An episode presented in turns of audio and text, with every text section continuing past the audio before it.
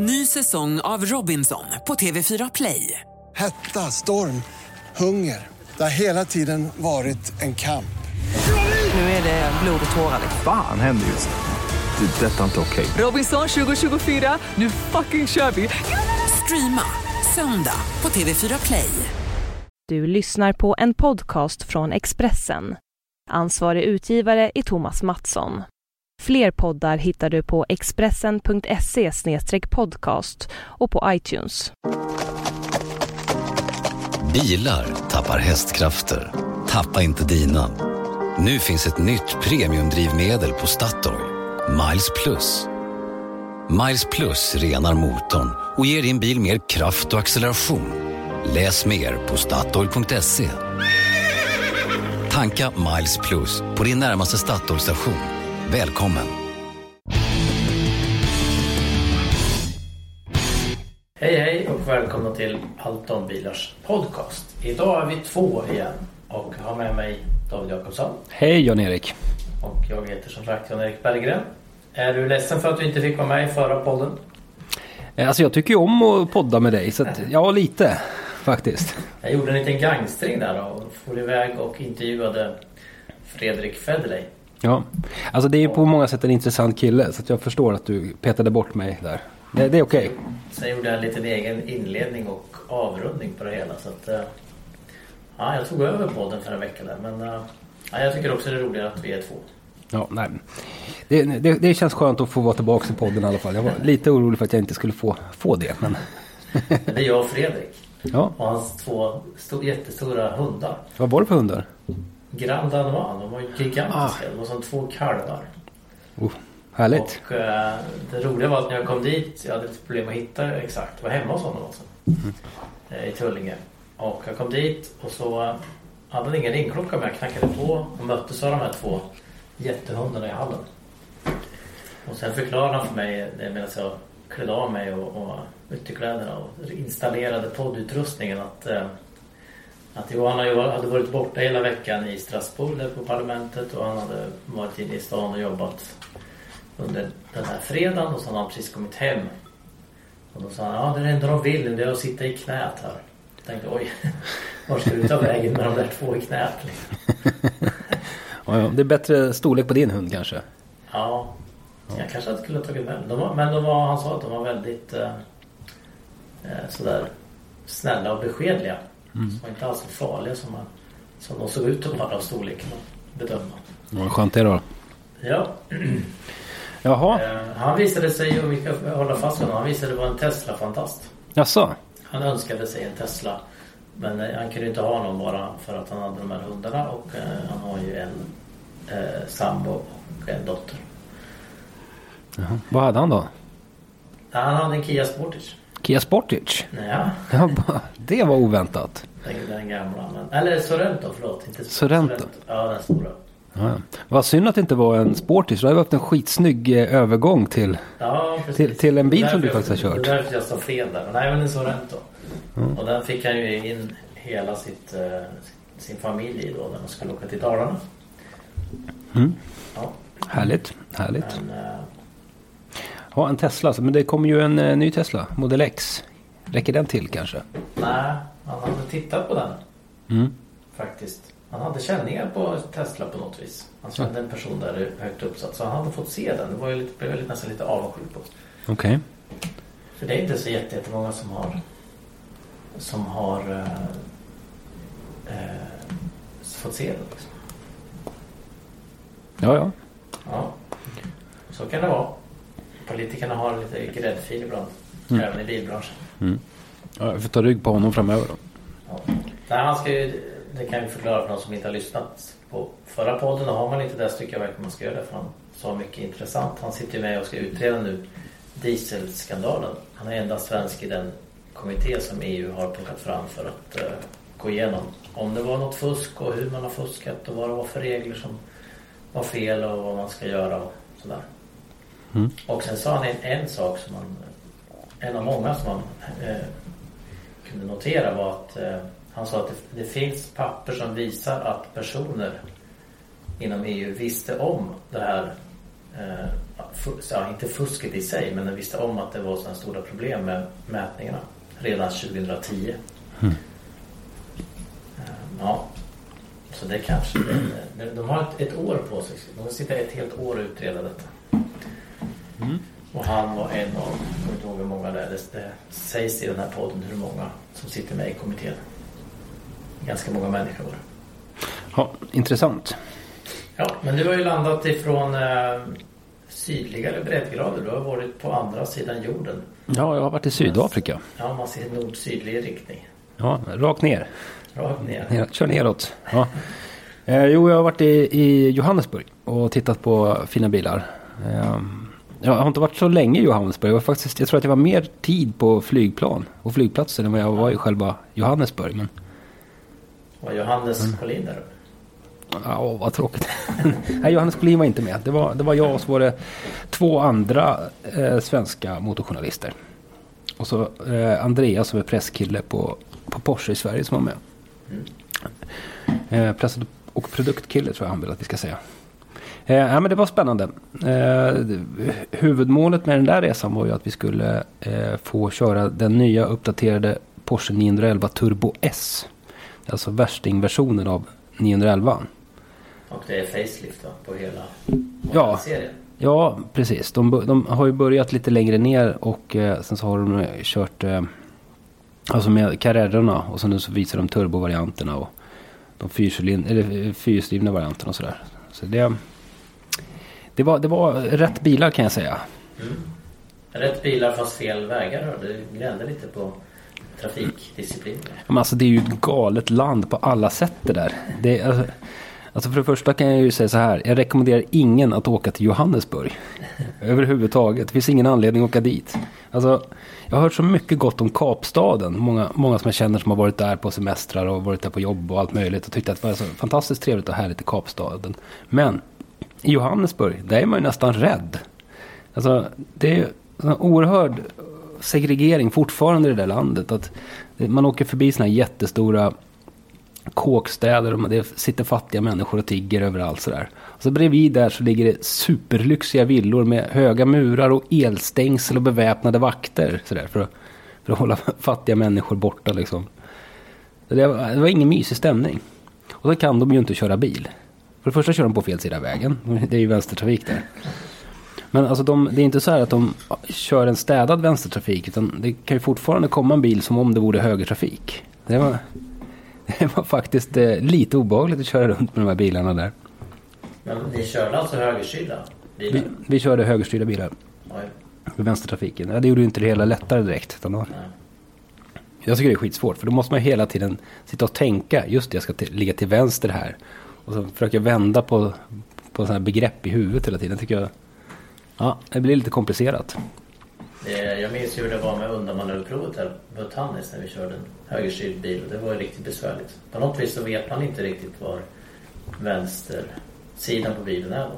Nej. Inte lika bra som man kan högersidan på en vänsterstyrd bil. nej, men, det- men det, är, och det är konstigt. Jag har ju kört eh, högerstyrda bilar på banan ganska många gånger. Och det är mycket svårare än en vänsterstyrd. Jag vet inte vad jag har hjulen. Nej, Ja, Jag kom, jag kom i alla fall igenom eh, trafiken helskinnad. helt skillnad. Mm. Men, men det var ju inte så jättesmart att lägga en sån testkörning av en sån bil. I sig svårkörd bil. I en trafik som är svårkörd och högerstyrd. Jo, eh, jag, jag, jag vet inte om det är, det handlar om smarthet. Utan det, det, grejen var den att, jag kommer inte ihåg vad den här banan heter. Eh, vi var och körde på en jättefin racerbana i alla fall. En klassisk racerbana utanför Johannesburg. Eh, som är helt nyrenoverad och alldeles fantastisk. Och ägaren till den här banan äger också eh, fyra ordentliga Porsche-center i Sydafrika. Jag vet inte om det var, alltså han är den st- största Porsche-handlaren. Jag kan vara helt fel ute nu men vad heter den? Kyalami? Just så heter den, tack. Tack. Eh, eh, jag tror att det är så här att han möjligen har bett om att få den här lanseringen där. För att, han har ju banan och han har bilarna och sådär. Ja. Det skulle jag tro. Alltså det, var, det var ju kul. Men det var en vanlig lansering. Det, var, det kom andra från Europa också. Ja, ja, folk från hela världen. Ja. Alltså i, i, i våran grupp med motorjournalister som var där, då var det svenskar, danskar, norrmän, kineser, japaner och tyskar. Var där. Så det, det, det var en liten blandning kan man säga. Ja, nej, men den här, Det det var bilen då? Vi glömde bort bilen. ja, men vi måste prata färdigt om trafiken också. Det, det, finns, det händer ju lite grejer ändå. Alltså, även- jag sa att jag klarar mig helskinnad genom trafiken, men vi har ju en kollega som, som inte riktigt gjorde det. Så det var ju, det dök upp en stor fet Toyota framför, framför den här kollegan. Så det var en, en Carrera som var lite eh, tilltufsad där. Det var lite obehagligt. Det Och-. Ja, det blev, jag vet inte vad det blev. Den var inte lika snygg i alla fall. Sen, sen bilen jag åkte i, nu vill jag betona att det inte var jag som körde, men bilen som jag färdades i tillsammans med en annan kille, vi råkade väl dundra förbi en, en stoppskylt. Kanske lite utan att stanna. Och det fanns det ett par polismän som ganska snabbt eh, noterade och ganska snabbt stannade oss. Och eh, det vart lite dålig stämning faktiskt. För de började ju prata om, om eh, vi skulle med till stationen för att betala böter och sånt där. När det visade sig att vi då inte hade, hade pengar. Vi hade inte kontanter.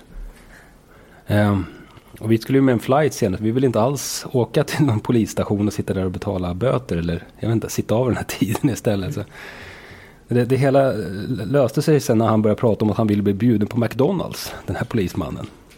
Och det tog en stund när vi fattade att han verkligen ville bli bjuden på McDonalds för att lösa det hela. Men det, det, det ville han. Men vi hade fortfarande inga, inga sydafrikanska pengar. Eh, Så han, han fick nöja sig med en svensk hundring. Och då vart han skitglad och sen så fick vi åka. Ni nämnde inte Max och sånt. Kan Nej, vi, vi, vi lämnade det där faktiskt. Ja, vi nej, det var, om, vi se om han kunde köpa något för sin hundring sen. ja, han kanske kunde växla någonstans. Jag hoppas det. Så det räcker till ett Big Meal. Eller Big Mac Company. Jag snackade med en kille som jobbade borta vid banan sen. Han berättade att, eh, att de har fruktansvärt dåligt betalt poliserna. De har inte riktigt råd att typ käka. Så att jag, nej, överhuvudtaget. Så att jag, jag säger så här, jag undrar honom den där hundralappen. Det måste jag säga. Men bilen då, det är kanske mer intressant än, än det här. Eh, Porsche 911 Turbo S, det är, har ju faktiskt eh, typ alltid varit min absoluta favoritbil. Eh, och det är den fortfarande, kan jag säga. De har, eh, har piffat till den här bilen på några sätt. Och det, liksom, det tydligaste är väl att man har, har eh, eh, en starkare motor i bilen nu. Det är en 3,8 liters motor med dubbelturbo fortfarande. Som nu är på 580 hästar. Och 750 newtonmeter. Och nu gör Det borde ju räcka till i den bilen. Ja, Den är ju så fruktansvärt snabb. Alltså 0 till 100 2,9 sekunder. Och toppfarten som jag tack och lov inte har provat är 330 km i timmen. Och Då det, hade det kostat mer än en Big Mac. och du hade ju suttit där än. och swishat pengar till de här polismannen. Ja, nej. Alltså axa med den här bilen, man, om man använder den här launch controlen som finns. Man, man eh, lägger i det här Sport Plus-läget som finns i, i bilen. Och sen så trampar man, i, håller man ner i bromsen och sen så håller man ner gasen tills det står eh, launch control activated eller någonting. Och sen så släpper man bromsen. Och alltså det sticker iväg, så det är som att man blir påkörd bakifrån. Det är helt stört vad den går bilen. Fantastiskt. Ja, ni kanske tar igen lite förlorad mark nu mot andra supersportbilar som kommer upp. Mm. Men en grej, men det är inte att den här bilen går så fort som gör den, som, som gör den så speciell tycker jag. Utan det är att den är någonstans den perfekta kombinationen av en supersportbil och en bil som man faktiskt kan bruxa i vardagen. Så det, den, är, den är snäll som en liten lammunge den här Porschen om man, om man glider runt i vanlig trafik. Det är mjukt och fint och den växlar harmoniskt. Och det, Det inte, de har inte kvar manuellt. Det är borta väl? ja, på de här finns det, finns det bara, finns det bara eh, dubbelkopplingslåda. Mm. Men Alltså den, det, det är som en, man brukar alltså min morsa skulle kunna köra den här och handla hur lätt som helst. Det är inga problem. Lättare att köra än hennes Volkswagen upp som hon har nu. Men sen så fort man börjar köra hårt med den då är den liksom ett vilddjur. Och jag har aldrig kört en superbil som är lika kompetent på båda områdena. Faktiskt. Och när kommer den till Sverige då? Då blir man ju sugen. Är du köpsugen? Ja. Den kost, du vet vad den kostar? Ja. Bör, börjar på 1 924 000 kronor. Den börjar på det. Börja på det. Men då har du för det med lite keramis, keramiska bromsar och, och allt, allt möjligt godis då. Eh, men det går att beställa den här bilen nu. Mm. Så du kan få den, skulle jag tro, någon gång i vår kanske. Om du slår till. Bort. Ja. Men det är säkert kul att köra i snö också. Det är ju fyrhjulsdrift och, och massa kul. Ja, det finns ju en eh, hel, hel lång testrapport med alla betyg på vår sajt. Mm. Sedan några dagar när ni hör det här. Så bara gå in och grotta ner sig och läsa och titta på alla fina bilder. Jag har ju faktiskt skrivit om den här bilen också. Inte bara kört den. Nej, du har skrivit va? Det är det som är, ibland är lite tråkigt med vårt jobb. Så man tänker, vi å- åka Porsche i solsken. Det, det låter ju fantastiskt. Men så måste vi ju skriva också hela tiden. Ja. Det, jag tycker det, det hade varit bättre om vi slapp det. Nej, jag skojar. Pr- Prata om det bara. Jag pratar om det bara. Ja. Ja, nej, jag har ju också varit ute och rest. Inte lika långt och inte lika många hästkrafter. Jag har ju varit i Barcelona. Norr om Barcelona i en liten by som heter Terrassa. Och där fick vi köra Kia Sportage. Eh, Det är ju en väldigt populär bil. Mm. Det är fjärde generationen som, som eh, de presenterar nu och det var väl tredje generationen, alltså den som kom 2010 som det var det stora genombrottet för modellen. Just det. Då, då. Ja, Då plötsligt blev den snygg. Då blev den snygg och eh, populär och den har ju sålt jätte, jättebra Mm. i Sverige och överallt egentligen. Ehm, Men nu har de gjort om den där och ehm, vi har väl alla varit lite bekymrade bland annat för designen eftersom den var så snygg förut. Vad, Mm. Hur ska de bära sig åt? Ska de, ska de göra som BMW och Audi och andra? Att de gör om väldigt lite eller ska de göra om väldigt mycket och, och hur i så fall? Eh, nu visar det sig att de har gjort om en hel del. Och jag tycker att den har blivit fulare och mera opersonlig. Men är inte det spännande? Kia har ju tagit så otroligt stora designsteg varje generation. Men med varje modell de har arbetat med. Tvärt, Ja. tvärt, tvärtom det här tyska tänket. Man, man, man ser ju knappt skillnad på nästa generation på typ alla tyska bilar. Ja. Men, men här är det liksom som en helt ny bil. Ja, de har ju nu kan inte jag namnet i huvudet men de har ju en ganska känd eh, designchef som väl är även, han har varit på Kia och är för, ja, han är både för Kia och Hyundai så han är liksom så här guru. Eh, Men framförallt så har man gjort om hela fronten, motorhuven och hela den delen Mm. framför A-stolpen. Taklinjen är ungefär densamma som förut. Men de, de har liksom biffat till fronten jättemycket. Okej. Det ska se liksom tuffare och häftigare ut. Men det gör den inte enligt dig. Nej, jag tycker inte för Den blir liksom för, för hög. Alltså den sticker Mm. upp för mycket. Tittar man på sidan så ser man att motorhuven liksom är mycket högre än resten av skulderna liksom på bilen. Okej. Ja. Bak ser den rätt okej ut och så. Men den är konstig på ett sätt för att i olika vinklar och i lite olika färger så ser den rätt bra ut. Mm. Men i vissa vinklar, vissa färger, då ser den hemsk ut. Speciellt snett framifrån, vilket är den vanligaste vinkeln på alla bilar. Fotograferas ju oftast snett framifrån. Mm. Nej, jag tycker inte att de har lyckats alls. Liksom. Hur ser bilen ut inuti då? Ja, men den är ju ungefär samma instrumentering som uh, Optima, Optima. Som ju kom nyligen. Ganska rent och snyggt. Man har gjort en li- centerlinje liksom där alla bildskärmar ligger över och så lite knappar under. Men det är väldigt tydligt och rent. Mm. Och pekskärm och ja, backkamera och sånt. Så den är ju, det ser rätt bra ut. Okej. Sen är den ju rätt bred. Den, den är nog den är bred, som sa, den är bredare än alla sina konkurrenter. Så det är ganska bra plats på bredden. Och även i baksätet på bredden. Mm. Bagageutrymmet är också rätt stort.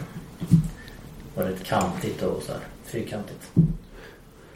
Ehm, Så jag tror nog att den kommer att sälja rätt så bra ändå.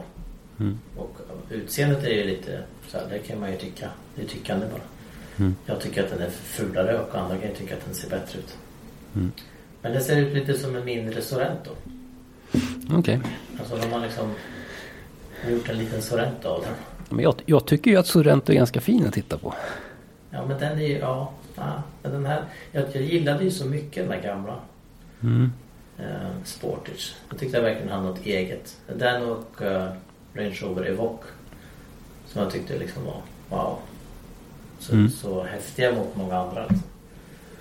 Och sen har man, ja, jag ska inte säga att de har förstört det men jag tycker att de har gjort om lite väl mycket. Mm. Eh, Men, Något annat, att kö- köra bilen då. Så den, jag tyckte att den gamla Sorrenton var rätt trevlig att köra. Men eh, det var ju lite sådär. Ja, Sportage. Sportagen menar jag. Ganska, ganska eh, död känsla i styrningen på den där bilen. Och sen så tyckte jag att den var lite bullrig. Ja, Hur är den nya? De har gjort om styrning på samma sätt som många andra. Som Optima, alltså flyttat ner den här eh, styrmotorn på. Inte sitter på stången utan längre ner. Mm. Eh, Men när vi körde, vi körde tre olika motorer. 2 liters diesel, 1,7 diesel och 1,6 bensin. När vi körde 2 liters diesel, det var den första, då var styr, styrningen jättemärklig. Ungefär så att någon hade satt en liten fjäder i ratten som ville tillbaks till neutralläget. Mm. Och det, det kändes ju jättekonstigt. Sen det- körde vi 1,7 och då är det lite bättre. Och så var det lite enklare. Och bensinen var väl ungefär som 1,7 Men det var inte helt bra styrning faktiskt. Nej. Den här fjäderkänslan var ju någon Hyundai som jag körde för inte så länge sedan. Ja, men det är samma. Ja, men det, men det, ja, då vet jag, jag vet precis vad du menar. Det, det är ju en, det är säkert som en fjäder någonstans. Att den börjar studsa tillbaka så här. Boing! Ja. Ja, men det känns jättekonstigt. Sen så hade de den här filkörningsassistenten. Eh, som man, man kunde... Och då blev det ännu värre. Den tyckte jag ju var ganska välbalanserad i Optima. Mm. Eh, kanske bättre än... Inte så bra som säger, men, men eh, bättre än en Volvo och många andra liksom.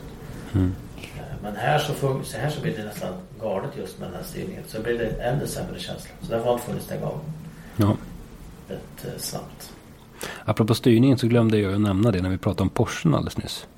Att Det är en, en väldigt stor skillnad mellan, eller väldigt stor, en skillnad mellan den, mellan den gamla 911 Turbo S och den nu uppdaterade 9 Turbo S är att styrningen är bättre i den nya. Om man kikar på den här bilen så hittar man inte speciellt eh, många nyheter i chassi och sånt där. Men de har skruvat lite på allt, säger de. Mm. Och har haft ett fokus på, på att få, få styrningen bättre. Det har vi nämnt förut men det är ju den detalj som har utvecklats allra mest. Mm. Ja, det är där någonstans man har kontakt med bilen. Mm. Så det är lite viktigt. Eh, sen pratade du om att den var bullrig och de nämnde då i sin presentation att nu var det så mycket tystare. Mm.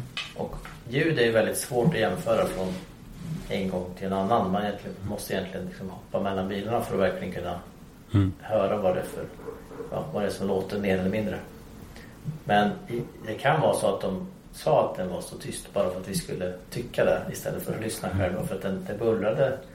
Alltså motorljud och vägljud var ganska högt. Vindbruset hade de fått bort. Men motorn, dieselmotorerna hörde ju det här liksom mullrandet nere vid fötterna och sen vägljudet var ju rätt ja, tydligt liksom. Och då körde vi ändå på spanska motorvägar som Mm. är rätt bra jämfört med många andra. Man kommer på knöggliga E4 sen så blir det Ja, gånger vi får 10. se. Men jag, vi satt och pratade just om det här att hur man, hur man ska liksom mäta. Jag brukar tänka att är det jobbigt att sitta och prata med den som kör eller den som sitter bredvid. Mm. Då är det för högt. Och så får man liksom börja lyssna. Vad är, vad är det liksom? Mm. Ja, men det har de lite att jobba med. Mm. Eh, Däremot har de ju ett grymt introduktionspris på ja, en bit över 300 för värstingmodellen. Två liters diesel, fyrhjulsdrift, automatlåda. Mhm. Kan du få för 320 någonstans. Sån här business eh, edition eller vad Ja, heter det, det? det här är en sån kampanj introduktionen. Mars ut. Men ja, kan, om man lyssnar lite på vad de pratar om så kan tänka mig att de förlänger det. Mm. Även andra kvartalet. Och det är ett riktigt bra pris. Men då har du en fullsmetad eh, SUV med goda utrymmen för under Ja. 7,5 basbelopp. Ja. Ja. Sen pratar de inte, det var, det var inte så mycket miljösnack kan man säga. Den drar ju, drar ju rätt, alltså 0,59 tror jag. Mm. Ganska mycket CO2 då. 0,59 ja. Mm. Alltså, Enligt körcykeln. ja, och i verkligheten så kan man ju lägga på då Ja. en 30% eller något. Ja. Eh, Så det var väl inte riktigt, eh, liksom, där ligger de inte i framkant än. De pratade inte om hybrid drivlinor alls. Men det kommer ju på Optima så det kommer ju säkert den här också. Men det kommer att dröja. Mm. Ja, Eh, sen de lite roliga fakta. De var ju femte största bilmärke i Sverige. Med Ja. fem, de var ungefär 1500 bil efter BMW. Okej. Så när Optima Kombi kommer i sen höst så hoppas man ju att eh, kunna plocka in och gå ifatt BMW. Och de är väl större än BMW på, när det gäller privatbilar? Ja, Privat tredje största märke på privatköp. Och nionde störst på till företag, alltså tjänstebilar. Eller poolbilar. Intressant. Ja, det fanns, eh, de hade andra kul, kul sak lite på- efter, eh, efter middagen berättade de att eh, Kia Ceed är en jättepopulär bil men framförallt eh, hemtjänsten som kör. Okej. Är ofta Kia Ceed. Ja, här där jag bor så kör de eh, Auris. Toyota Ja, Auris. okej. Och en annan stor kund var Pizza Online. Okej. De hade köpt ett par hundra Kia Picanto. Så om du köper Pizza Online beställer där så Det kommer en de- Picanto. kommer förmodligen i en Kia, en Kia Picanto. Men alltså är pizza online så stora? Ja, Jag har aldrig beställt en pizza online. Kanske Ja, min, min ena son brukar köra det ibland. Då kan jag fråga varför. Men för vi bor ju inte jätte, jättelångt ifrån den pizzerian. Men tydligen är det för långt att gå dit. Jaha, okej. Så när vi pratar om det, vi skrattar ju alla ungefär som vi gör nu åt det där. Men då var det en som eh, hade varit inne på en pizzeria. Eh, en så här och så såg att det var jättemånga som jobbade där. Full fart, massor med pizzor i ugnen. Och ingen människa i restaurangen. Så då frågade han, vad är det liksom? Det är ju inga här. Och är det så många som beställer? Nej, vi levererar till Pizza Online. Jaha. Kommer Galet. det, kommer det en Kia Picanto och hämtar upp den där och sätter på sätesvärmaren och stoppar dit pizzorna och sen kör ut dem. Ja. Ja, jag har inte riktigt kommit dit ner i träsket att jag beställer pizzor hem. Så. Nej, kanske kommer. Kanske kommer. Ja. Men du, eh, du- du berättade ju att du- Den, går ju att beställa nu också. Den kommer snart till Sverige. Den, eh, det finns typ några bilar här och det finns den här två liters dieseln som jag tror att folk kommer köpa den. Mm. Kanske 1,7. Okej. Eh, Det finns snart hemma. Du berättade att det är svårt att ta dig till Barcelona. Ja, men vi lyckades ju pricka den här flygledarstrejken i eh, Paris. Och vi skulle byta plan i Paris. Så jag var väl kanske 30 sekunder från att gå, gå hem igen ifrån Arlanda. Innan de upptäckte av en slump mer eller mindre att eh, planet som vi flög från Arlanda till Paris var samma plan som skulle sen vidare till Barcelona. Så då spelade det inte så stor roll att vi var en och en halv timme försenade ut från, från Sverige. Och då så. Vi fick eh, landa, åka fram till gaten, gå ur gaten, gå runt lite grann där på Charles de Gaulle i alla deras gångar och trappor och system. Upp igen till gaten och in igen och så sitta ner på samma stol. Mm. Samma besättning. Så var hej, hej, hej, hej igen. Ja, ja. Smidigt. Ja. Men vi kom fram och det blev körning. Upp i bergen direkt. Från flygplatsen. Kul. Varmt och skönt var det. Soligt och plus 15 grader. Jag gillar att köra bil där runt Barcelona. Mm. Det är där man ska bo så här års. Ja, det är det jag tycker det. Du, eh, du har ju kört lite folk, folka. Folkabilar. Ja. Eh, Snöloppet. Ja, nu är det ju slask och elände här men när jag förra veckan så hämtade jag en eh, Passat Alltrack. Eh, den där bilen har vi ju kört förut fast då var det nog om jag inte minns fel så var vi nu i Barcelona. Nej, Ja, jag har kört den i München. Upp till Kitzbühel tror jag. ja, jag, Men det jag, kanske var förra versionen. Det, det, jag tror att det var förra versionen. För jag minns med bestämdhet att det var jag som var på provkörningen av, av den nya. Ja, vad, vi nu var, vi kanske var i Tyskland. Eh, I alla fall så var det sol och fina vägar och sådär. Så att det var, det var inte riktigt all track väder. Så nu, nu, har jag, nu har jag kört den i riktigt snökaos här hemma i Sverige. Och det, var, ja, det var ganska spännande. Det Ja, är en bil som de hoppas mycket på. mm. Det ska ju stå för en tredjedel av försäljningen av alla Passater. Ja. Och det är, ju, det är ju klart helt rätt bil att satsa på här. Den är ju mycket tuffare än, än en vanlig Passat. Den ser ju mycket bättre ut. Och sen så är den här lilla, lilla höjda markfrigången. Jag har inte exakta siffran i huvudet nu men den hjälper till. Jag var inskott, eller var inplogad häromdagen med den där bilen. Och eh, kom, kom över lite fint. Fyrhjulsdrift och bra markfrigång. Det är precis vad man vill. Man bor, man bor nära stan och, och kan ändå komma fram. Det är jätteskönt. Eh, Sen, sen fanns det några saker som, som jag blev lite besviken på med bilen också. Som jag inte upptäckte när jag körde den i Barcelona eller Tyskland eller var det nu var någonstans. Eh, det var när det smällde till och blev riktigt kallt. Då var det flera saker som inte riktigt funkade på bilen. Eh, för det första var det, det satt sån där glaspanorama tak i den. Det var det första jag upptäckte. Att det knäppte ute och, och världens oljud från det där taket. Det var liksom, någon metall hade väl krympt så mycket så att det började liksom att, att gnaga mot varandra uppe i taket. Det var skitirriterande när jag körde bilen. Så fort eh, termometern gick upp lite grann så försvann det där. Eh, sen så var det när jag hade parkerat bilen i kallgarage, nej utomhus en dag. Och det var, då var det minus 10. Då gick inte dörrlåset upp. Sen på, på förardörren naturligtvis. De andra öppnades när jag tryckte på fjärden. Men då fick jag klättra igenom bilen. Då, liksom för, drog in snö i hela bilen när jag skulle sätta mig i, eh, i förarsätet. Då hade jag, hade jag köpt bilen ny. Den här bilen har gått 150 mil då. Hade jag köpt den och den har gått 150 mil och jag inte kommer in i den. Då hade jag varit skitirriterad. Då hade du åkt tillbaks till handlaren då?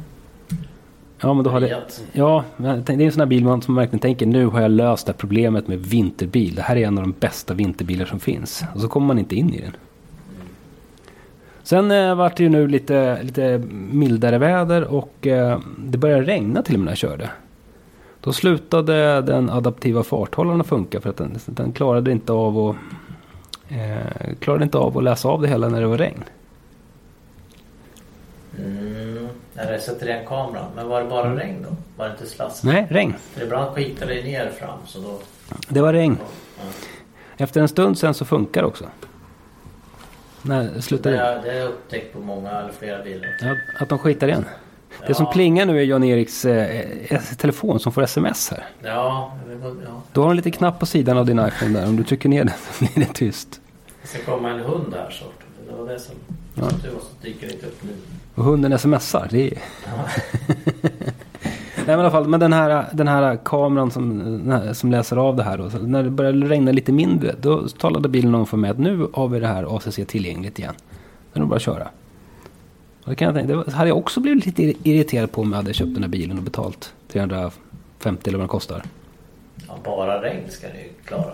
Ja, jag tycker det. Ja, eh, Och sen hade du syskonet A4 Sportback. Eller har du va? nej. Eh, Sportback, du tänker på Avant har jag kört. Jaha, du körde vanliga A4 Avant. Ja just det, så var det. A4 Avant körde jag för ett par veckor sedan. Eh, det var ju också sån här härligt snökaos och perfekt quattroväder. Ja. Eh, vad var det vi skulle prata om den bilen? Det skulle vi pratat om i förra podden men vi glömde bort den. Jaha. Jo men det var ju så här. Vi, vi körde ju eh, för första gången A4 när vi var i Tannis med Årets bil. Eh, I höstas. Och då körde vi en 150 hästars bensinare, den här 1,4 liters motorn. Och så hade vi en eh, manuell växellåda, vi hade framhjulsdrift, vi hade en ganska klen utrustningsnivå i bilen. Och vi var väl inte så superimponerade någon av oss har jag för mig av den där bilen. Nej, det tyckte jag var lite tråkig så. Mm. Inte säga. Eh, Det är den här bilen Avant eh, som kommer att sälja. ja, men, och så nu, Ja. För mig, för mig var det liksom vi som hoppar mellan olika bilar hela tiden. Så plötsligt fick jag köra den med, med 2,0 TDI-motorn, med eh, en eh, dubbelkopplingslåda, med quattro och med kombiskåp. Och det var en helt annan bil. Helt annan bil.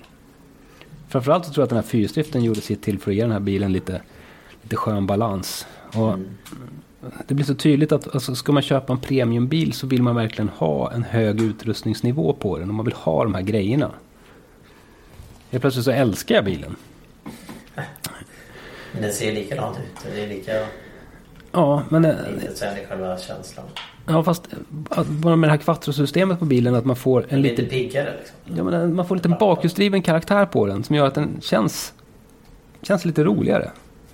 Ja, sen så tar det roliga slut när man börjar titta på prislappen. Då. Jag, jag tror att det var 299 som den här andra bilen började på. Det är, det är väl den billigaste A4 man kan köpa. Den här pressbilen kostar över 500 000 kronor när man tittar och räknar ihop allt. så det, det var ju lite skillnad så. Men de köper ju, folk köper ju välutrustade. Ja. Och det gör de, det gör de rätt i. Annars kan man lika bra skita i det. För att köpa en, köpa en klent utrustad bil för 300 000 det är ju helt värdelöst. Ja, Ja, men då kanske det är något för Sverige ändå då. ja visst. Så länge, så länge man köper eh, Quattro och eh, kombin. Ja. Absolut. Jag ska ändå bara nämna vår långtestbil om vi pratar vanliga bilar innan vi kommer in på lite snabbare bilar. Vår långtestbil har ju varit föremål för en återkallelse. Ja. Eh, Jag fick ett litet brev där det stod att bilen ska in för en eh, kontroll eh, vad gäller brän- bränslesystemet. Det var en kontakt som kunde... eh, Ja, den satt lite illa till helt enkelt. Så den skulle kontrolleras att den var rätt monterad. Så det var inte så dramatiskt. Men ja, det var första gången jag varit med om det i alla fall. Mm. Så det var inte spännande. Det tog 15 minuter att de tittade på den här kontakten. Ja, det sitter rätt där liksom. Okej. Ja, så var det tillbaka igen. Och efter det så, precis när jag kom hem. Jag åkte dit från Arlanda just. Jag hade varit iväg på Opel-körning. Eh, så eh, frös det här locket till elladdningen fast. Fick jag inte upp det. Och det visade sig ju då, eftersom det locket måste ju stå öppet när man laddar. Och det kommer ju massa snö och skit och blir fukt liksom. Och sen fryser det och så. Eh, Men det, det löste sig när vädret ställde om. Ja. Men det, det är ett litet problem för eh, alla el och hybridbilar. Ja, att en lucka ska vara öppen där. stå där liksom, Ja. öppet och det ska regna ner och det ska snöa in i det där. Mm. Det är ju oftast är det ren, ren mekanik ju. Någon fjäder som rostar eller ja, slits i alla fall. Man kanske förutsätts ha garage när man har. Elbil. Ja, Ja. kanske. Ja, men det är inte helt optimalt i Sverige liksom. Det blir skitigt och eller när kontakten blir skitig och Mm. blöt. Och, ja, Om man slaskar in den där i bakluckan sen. Ja. ja, precis. Med finkläderna, kostymen ska man stå och brottas med den här sladden. Liksom. Mm. Men det där har vi pratat om förut. Men äh, den, den är, nu är den fixad. Den är kontakten och äh, luckan går att öppna igen. Så nu Det var- är det full fart. Det var väl den minst dramatiska återkallelse jag någonsin har hört talas om. 15 minuter, titta på kontakten. Titta på en kontakt. Ja. Ja. Men de, de förekommer ju de där. Och Som jag har skrivit om det i tidningen att det är viktigt att verkligen åka dit och göra det. Mm. Eh, och vi har ju ett kastsystem för återkallelse överlag. Att, att det inte är offentligt och det finns inget register enkelt att ta del av. Jag kan inte se om man ska köpa en begagnad bil om den här är gjord. Alla återkallelser eller alla fix och tricks. Mm. Det är inget jag har en aning om. Men om, om den är fullstämplad i serviceboken på auktoriserad verkstad så ska det ju ändå vara gjort. Ja, och verkstaden vet jag. Jag kan ju åka till Mitsubishi i alla fall och se då, ah, men den här har fixats eller inte. Liksom. Om inte annat hade det Ja, varit lätt för oss journalister om det fanns ett register vi bara kunde klicka Ja, på. nej men i USA är det helt annorlunda. Det är en myndighet som håller koll på alla Mm. felrapporter från, från eh, tillverkarna. Är Mm. ett visst antal fel, ett visst antal ja, typ av fel. Säkerhetsfel och som bromsar och krockkuddar och sånt.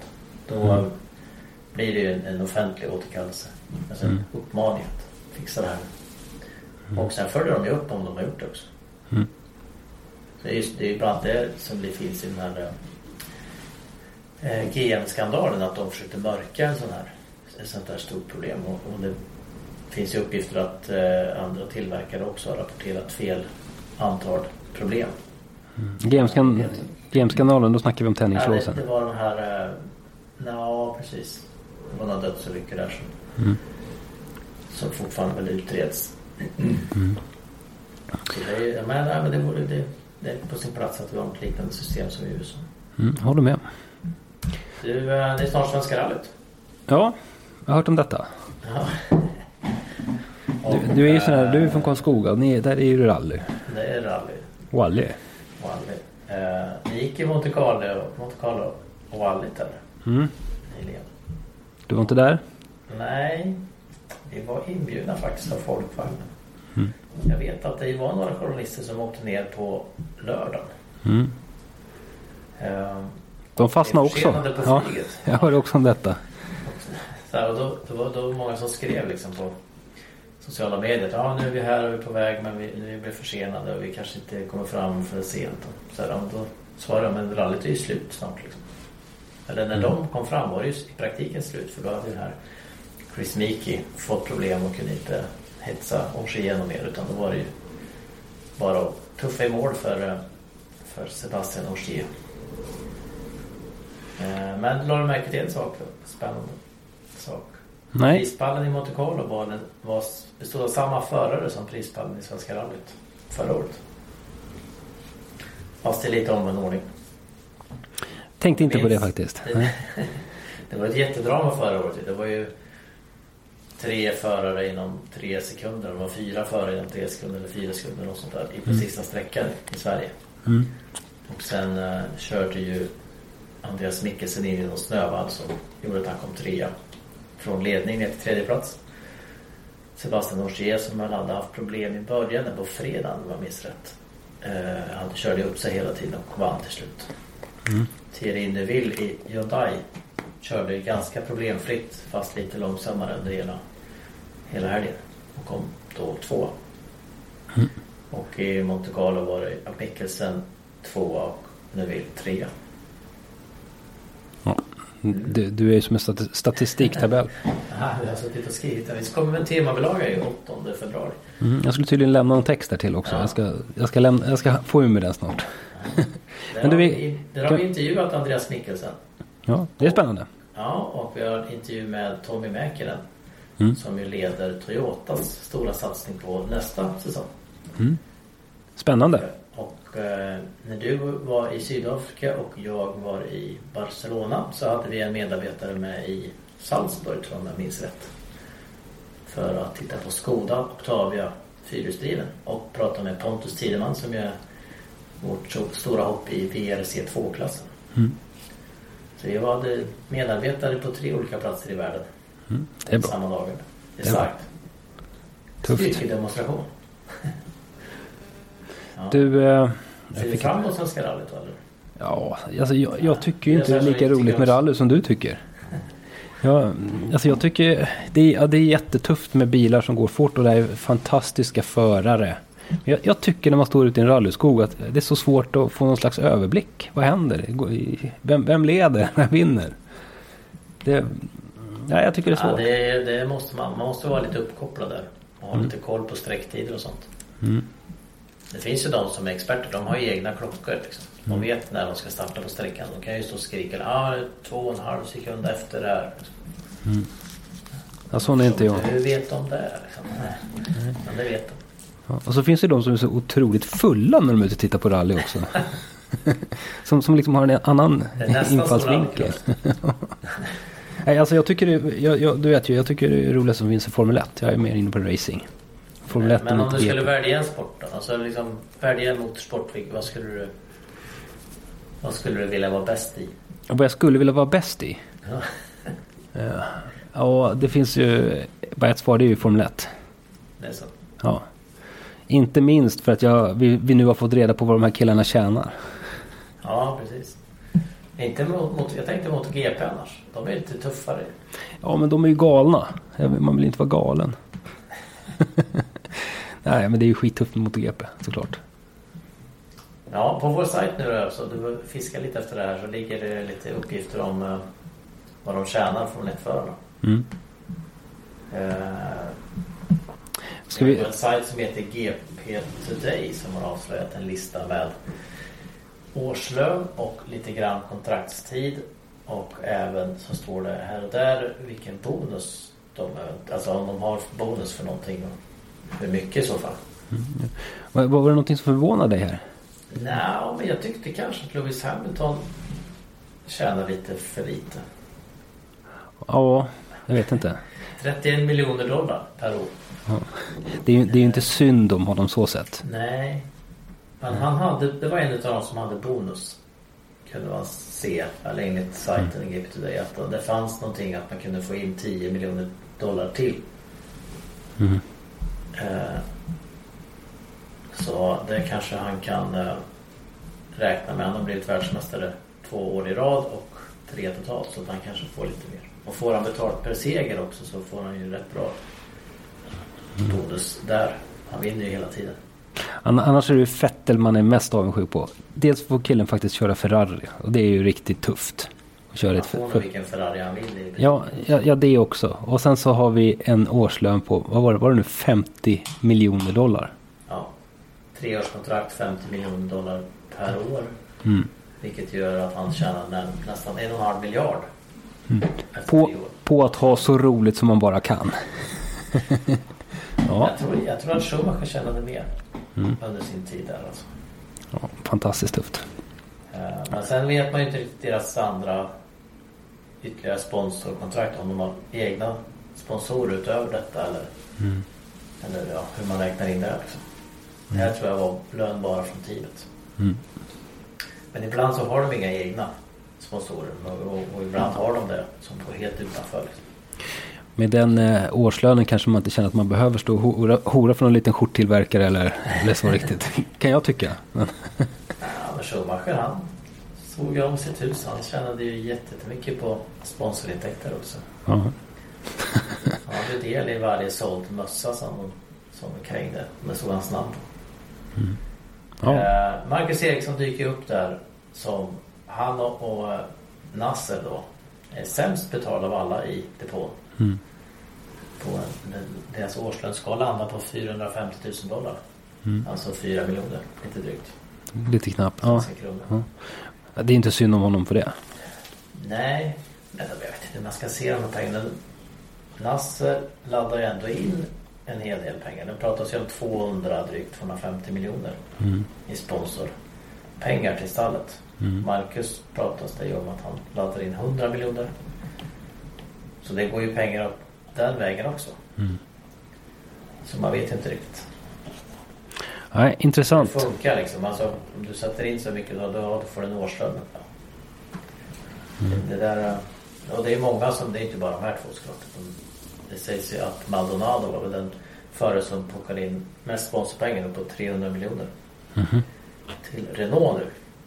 Men han har en ganska hög kraschbudget också så det kanske behövs lite extra. Ja, det är, det är nog bara för att täcka det. Det är bara kraschpengar. Spännande. Det drar ju igång och det är inte så långt kvar nu. Nej, jag hoppas ju övertala dig åkande på ett F1-test eh, första mars. Ja, jag, jag håller på att försöka. Alltså, nu har jag ju just varit i Sydafrika så jag är hemma en dag. Och imorgon skittidigt ska jag åka till Tyskland. Och sen ska jag komma hem och så ska jag försöka prata med min fru på ett fint sätt om att jag kanske ska åka på Formel 1-test. Jag, ja, jag måste, måste lägga upp det här på ett smart sätt här. Det var något nästa vecka med Peugeot va? Ja, jag ska till det är Frankrike en sväng där också. Just det.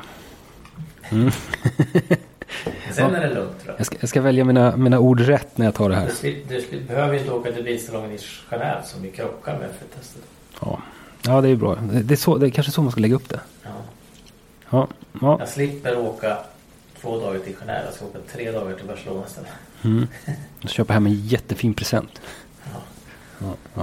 Eh, Men tror du på de här lönerna då? Jag tyckte det var... Vad sa du? Tror, Tror, du att de tjänar så mycket eller? Tjänar, jag tror de tjänar mer faktiskt. Totalt sett. nej, det är väl ungefär vad jag trodde faktiskt. Det är- Sen så, Sen topphockeyspelaren i NHL tjänar ju 50-60 miljoner. ja, kronor i och för sig då. ja. Det här, är, det här är ju... Man kan ju tycka så här, det är lite stört att tjäna 50 miljoner dollar på ett år för att man ska köra Formel 1-bil. Vad, vad är priset, vad är, vad, är, vad är det per varv? Det är, Jo, kan man tänka. Nej, han kör ganska många varv. Mm.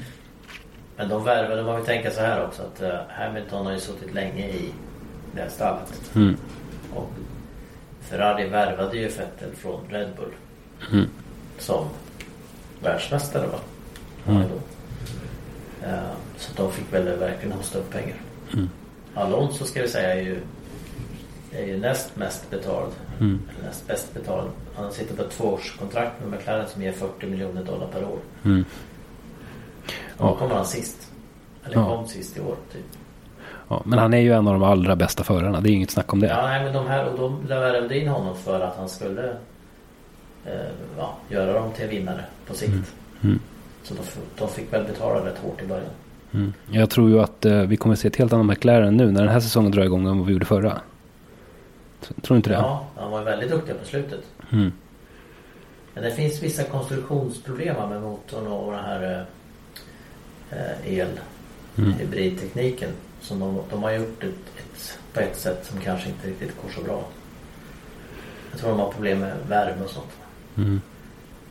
Och de får inte bygga om just nu. De får inte göra om hela motorn just nu. Men jag tror också att de kommer att vara bättre. Du, eh, jag skulle kunna sitta och prata Formel 1 hela dagen men när jag tittar på klockan så ser jag att jag ska hämta barn i skolan om fem Ja. minuter. Ja, du får ta din Porsche då. Nej, nu hade du nu. Nej, men jag har ingen Porsche. Jag får ta min egen familjekombi här. Det, det är inte det sämsta. Bra, då tackar vi för oss. Det gör vi och eh, ha det så bra. Ja, hej. Hej! Bilar tappar hästkrafter. Tappa inte dina. Nu finns ett nytt premiumdrivmedel på Statoil. Miles Plus. Miles Plus renar motorn och ger din bil mer kraft och acceleration. Läs mer på Statoil.se. Tanka Miles Plus på din närmaste Statoil-station. Välkommen!